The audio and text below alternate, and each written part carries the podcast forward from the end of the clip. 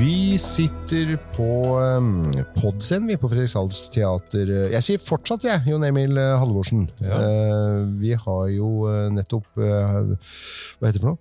Foretatt en podkast om Petter Anker. Det har vi. Den generelle, lange historien hans. Mhm. Men nå tenkte vi at vi skulle gå litt nøyere inn i en ja, den varte vel bare en sånn 18 års tid, bare. Eh, men en veldig viktig og stor del av livet hans, og kanskje ikke så godt kjent, det er nemlig hans liv i Trankebar. Stemmer. ja. Trankebar, ja. Tiden um, der borte i India, som var vel den absolutt viktigste delen av Peters liv. Ja, og, og tiden borte i India, det var jo for dette det her var jo en uh, kronkoloni Det var det. Danmark-Norge. Og de trengte en sjef, ny Ja. sjef. Hvordan havna han der? Ja. Um, for å si det sånn, I 1777 så ble da uh, Trankebar, altså dansk India, en kronkoloni. Det hadde vært da i kompaniets, i Asiatisk kompanis um, eh, eie. De hadde drevet det eh, som privilegert eh, da en stund. Nå ble det da kronkoloni. Eh, kongen tok over, eh, og de eh, skulle etter hvert ha en eh, ny guvernør, for den forrige var ikke noe sånn veldig aktuell lenger. Han hadde ikke gjort en Var bra jobb. Nei. Nei. Eh, Så nå var det da eh, i en vanskelig tid, i en eh, trøblete tid, hvor da England hadde mye seilt opp som den store makten også borte i India, i kamp med Frankrike og mm, indiske statene der borte, så trengte de en som hadde kjennskap til hvordan man skulle kanskje forholde seg til England. Ja. Ja, for at det er ikke bare å få en sånn jobb. Nei, det er ikke bare å få. Hvordan var det at han, han fikk den jobben? Han ble jo på en måte nesten litt sånn lokal konge, da. Ja, han ble jo en slags småkonge etter hvert. kan nesten si. Det var en måte det guvernørene ble. Selv om det var kanskje ikke intensjonen eh, fra myndighetene i København, men han, han ønsket det. Han søkte om å få mer makt, det kan jeg komme tilbake til. Men eh, hvordan får man sånn jobb? Jo, eh, man må jo være, være langt oppe på rangstigen allerede, og det var jo Peter. Han var jo konsul, general, altså konsul i, i London under den viktige tiden hvor England kjempet mot amerikanske eh, statene som hadde bruttet ut. Um, og han var en mann som kjente til engelske forhold veldig godt, språk ikke minst, og handelen der. En høy hjelp, stjerne. Hjalp det også at de uh, imellom den her eh, dannelsesreisen vi snakket om de hadde vært på, og til nå, at de hadde blitt adelige fem ankerkarer? Ja, Hjalp det? det kan nok ha hjulpet en del. Ikke sant? Det, det var ikke dumt, det. I 1778 så skjer det. Og eh, i det gamle samfunn så var det selvfølgelig eh, ansett.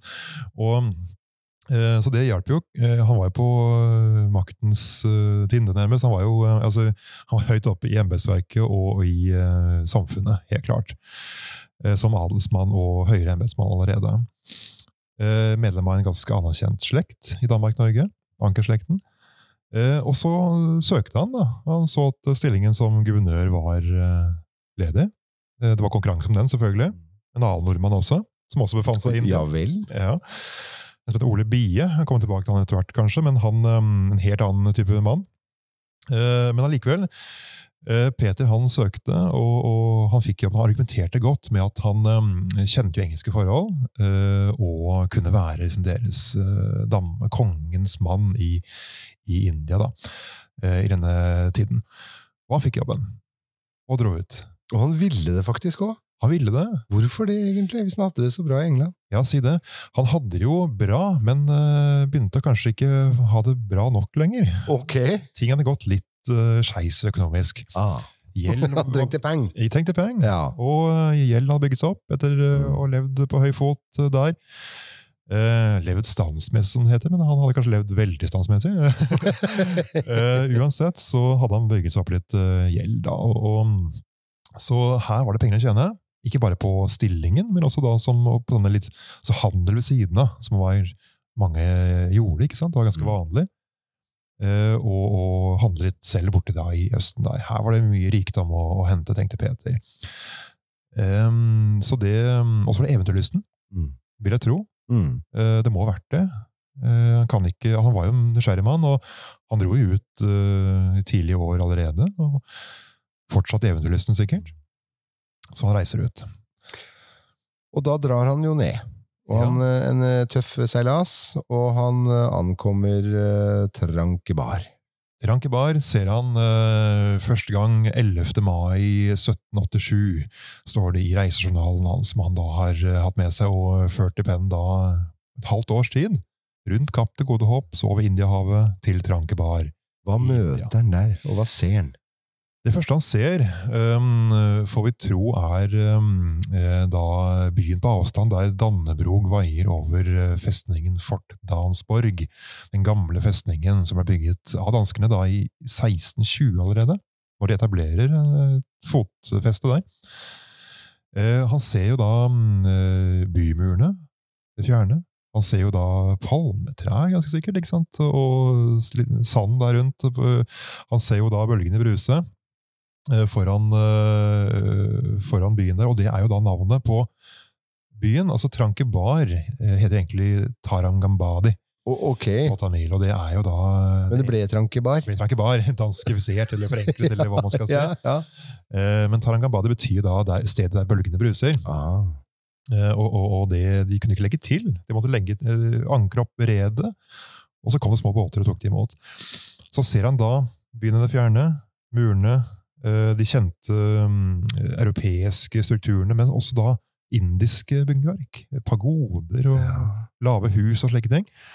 Eh, så, um, så, kommer det båter ut og møter ham med indre. Klarer til å tilby da, for å ta dem inn, ta bagasjen inn, eh, og, og klarer til å tilby sine tjenester for nyankomne danskene. Ja. Ja, og, og det finnes et bilde også av byen fra den eh, tiden. Ja, Det er noen få år etterpå uh, allikevel, men den er jo lagd av Peter Anker sjøl, fra andre siden av byen. Ja. Som uh, man kan se. Det kan man se. Et ganske flott bilde, en akvarell, som da Peter har, har da tegnet, malt, av byen. Sett fra landsiden, riktignok. og da ser vi disse tingene som jeg nevnte, med, med, med fortet, med pagoder, med med kirkespir der borte. Og vi, og vi ser da uh, skipene som da ligger ved havnen, eller ligger ute ved redet. da.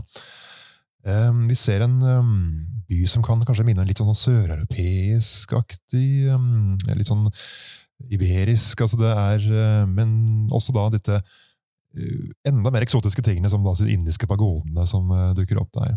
Og danske Dannebrogen vaiende over festningen. Da han eh, kommer i land, så er jo han nye sjefen. Ja. Hva, er, eh, hva slags system er det han er det, er, det en, er det en enkel jobb å lande i? Nei, det var det ikke overhodet. Peter ankommer uh, nå en koloni som er i uh, altså administrativ uorden, for å si det sånn. Uh, det artige er at han, han tiltrer som guvernør, generalguvernør da, den 17. mai 1788. En dag som senere skulle bety mye for nordmennene, men ja, ikke da var det veldig kjent. Nei. Så han ankommer da. Og han, det er en seremoni på festningen. Eller han ankommer den 11., unnskyld. Men han tar stillingen da den 17., kan vi si. Overtar kommandoen i en seremoni foran festningen. Vel, så begynner hverdagen, og dette her er jo den koloni som er, er altså vanstyret, ganske enkelt. da. Det er jo den forrige, Rett og slett. Ja, den forrige guvernøren, uh, Abesty het han, han ja. hadde ikke gjort noe særlig god jobb. Han hadde bare sett uh, mellom fingrene når det gjaldt uh, det som vi kan kalle for korrupsjon og slike ting nå. Men Hvor vanlig var korrupsjon i en eller annen slags form? Ja, altså Det er jo debatter rundt det, hva som er korrupsjon og ja, nettopp, ikke da. Ja. Mm. Og mange har forsket på dette her. og altså, Det var jo vanlig. Og, og det var det som vi ofte ser som korrupsjon, og det var jo greit. Altså, det mm. var akseptert i stor grad eh, den gangen. Men allikevel, visse grenser var det. Og dem hadde de gått over her, og vel så det? Det, vi, det høres sånn ut. Slik han beskriver. Og, ja, ja. Og, ja. Så ikke minst det at denne guvernøren den forrige hadde delt ut embetsstillinger i hytt og gevær, og at det her var eh, masse eh, unyttige stillinger, og eh, den laveste tjener hadde fått liksom en viktig tittel og slike ting. Så det var, slik som Peter beskriver, i hvert fall, i brever hjem. Og her må det kuttes ned, her må det skjæres ned, her må det ryddes opp. Uh, og, og, det er mye, uh, mye shady handel, altså. Uh, utnyttelse av lokalbefolkningen, ikke minst. Og sånne ting. Og det tar han tak i? Han prøver. Og det bruker han mesteparten av sin tid der inne på å gjøre. Rett og slett. Fordi han stikker nå hånden inn i et formidabelt vepsebol. her skulle ikke denne nye eh, guvernøren komme og tro at han var noe, og kunne liksom da bare eh, ødelegge for den eh, ordningen som de andre hadde hatt nå. Nei, eh, kom ikke her, liksom. Mm. Mm. Er det Blir han en uh, upopulær mann? Ja, veldig. Og det er ikke fordi han er slem, men fordi han skal gjøre alt riktig?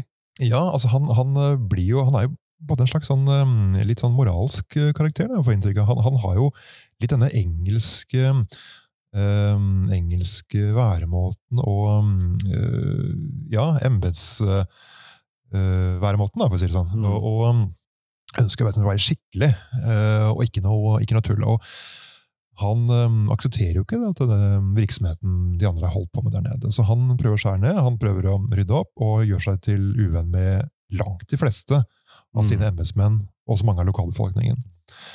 For de hadde også tjent gode penger på danskene og europeerne, ikke sant? Så her var det gjensidig. Og, og disse embetsmennene, dette var både dansker og, og lokalbefolkning og alt om Ja. hverandre, eller? Eh, det var jo en viss skilnad der, men, men eh, disse lokale eh, embetsmennene, om vi kan si det sånn, da, eh, som vi kaller for dubasjer eh, Altså da eh, slags mellommenn, tolker, eh, hadde liksom en viss tyngde, da, for de var jo da knyttet til en, eh, hver av de, eh, til en eh, europeer i kolonien. Gjerne litt høyerestående da, og og drev mellom Altså var en hjelper, da. Ikke, ikke en tjener direkte, men en slags hjelper. Og, og de tjente jo gode penger på hverandre, europeeren, inderen. ikke sant? Her var det gjensidig. Og det skapte mye furore. Mange gikk jo over sin eh, altså sin kaste, ikke sant? Ja, Ah, slike ting. det var ikke bare bare Nei. Upopulært Ja. hos de andre. Så det her var. Beskriver han ikke det et eller annet sted også, at det var noe tull der? Det gjorde han. Um, Peter han, um, han kom jo uh, inn på dette her i uh, diverse brever hjem. Mm. Um, når han ankommer India, så er det jo da uh, en pågående konflikt som vi kaller for den store kaste, kastekonflikten. Og for å bare sette bakgrunnen for det, for den som kanskje ikke er så inn i det, er det jo Ja. fordi at du har ganske tydelige kastesystemer, det vil si status i samfunnet. Ikke sant? Du Ja. hørte til en viss sånn uh, ja, Vi kan ikke kalle det stand, egentlig, men en slags, uh, kanskje nærmest vi kommer. da. Men uh, med disse kaste, um, kastesamfunnet i India hva jeg hørte til sin del med, med ulike roller, altså ulike Mm. oppgaver, og at det her var um, ufravikelig. og det, altså, det ble debattert, det ble, det ble forhandlet om hele tiden, men du skulle høre til din, din um, eh, kaste. Mm. Uh, kjent er kanskje da paraya-kasten, den laveste, ikke sant? de Ja. urørlige. Ja. Men allikevel, um, denne, uh, altså denne kastekonflikten beror på at en av disse dubasjene, som het Supramania Setti, han hadde da uh, gått liksom over sin eh, kaste ved også eh, til altså, rei- Reise rundt veldig um, La seg bære bærestol, ikke sant, og eh, vise rikdom og eh, te seg slik som det ikke sømmet seg, da. Det var det mange av disse andre eh, som da innere som ikke likte. Så de reiser ut. Um, en det gjeng av disse kastene, altså høyrehåndskastene, de reiser, det er vanskelig å komme inn på, men de reiser i hvert fall ut av kolonien eh, og truer med ikke å komme tilbake og arbeide og gjøre ting der før dette her er ordnet opp i. Før han, før han er arrestert da, og slike ting. Så det er en voldsom eh, greie, og, og der kommer da Peter midt oppi og må håndtere. Og dette er jo egentlig bare støy.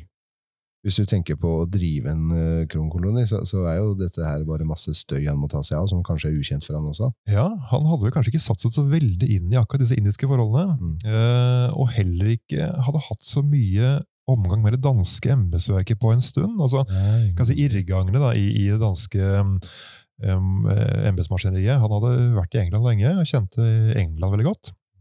Så kommer han midt opp etter her, da. Eh, Så, så han må ikke bare håndtere da indernes um, si, van, altså fravikenhet og, og um, deres um, problemer rundt da kulturforskjellene der, men allikevel han måtte også da håndtere danske embetsmenns uh, vrangvilje Mm. og, og, og korrupsjon. Det som verre var. Men han rydder opp. Han rydder opp. Han, han, han tar den. ja, han sparker folk, han, han, han skjærer ned økonomisk, han, han uh, bruker en ganske hard hånd. altså. Mm. Eh, Og, det skulle ikke eh, skremme han, det var liksom det som var tanken. Eh, Og skape mange finner med det her.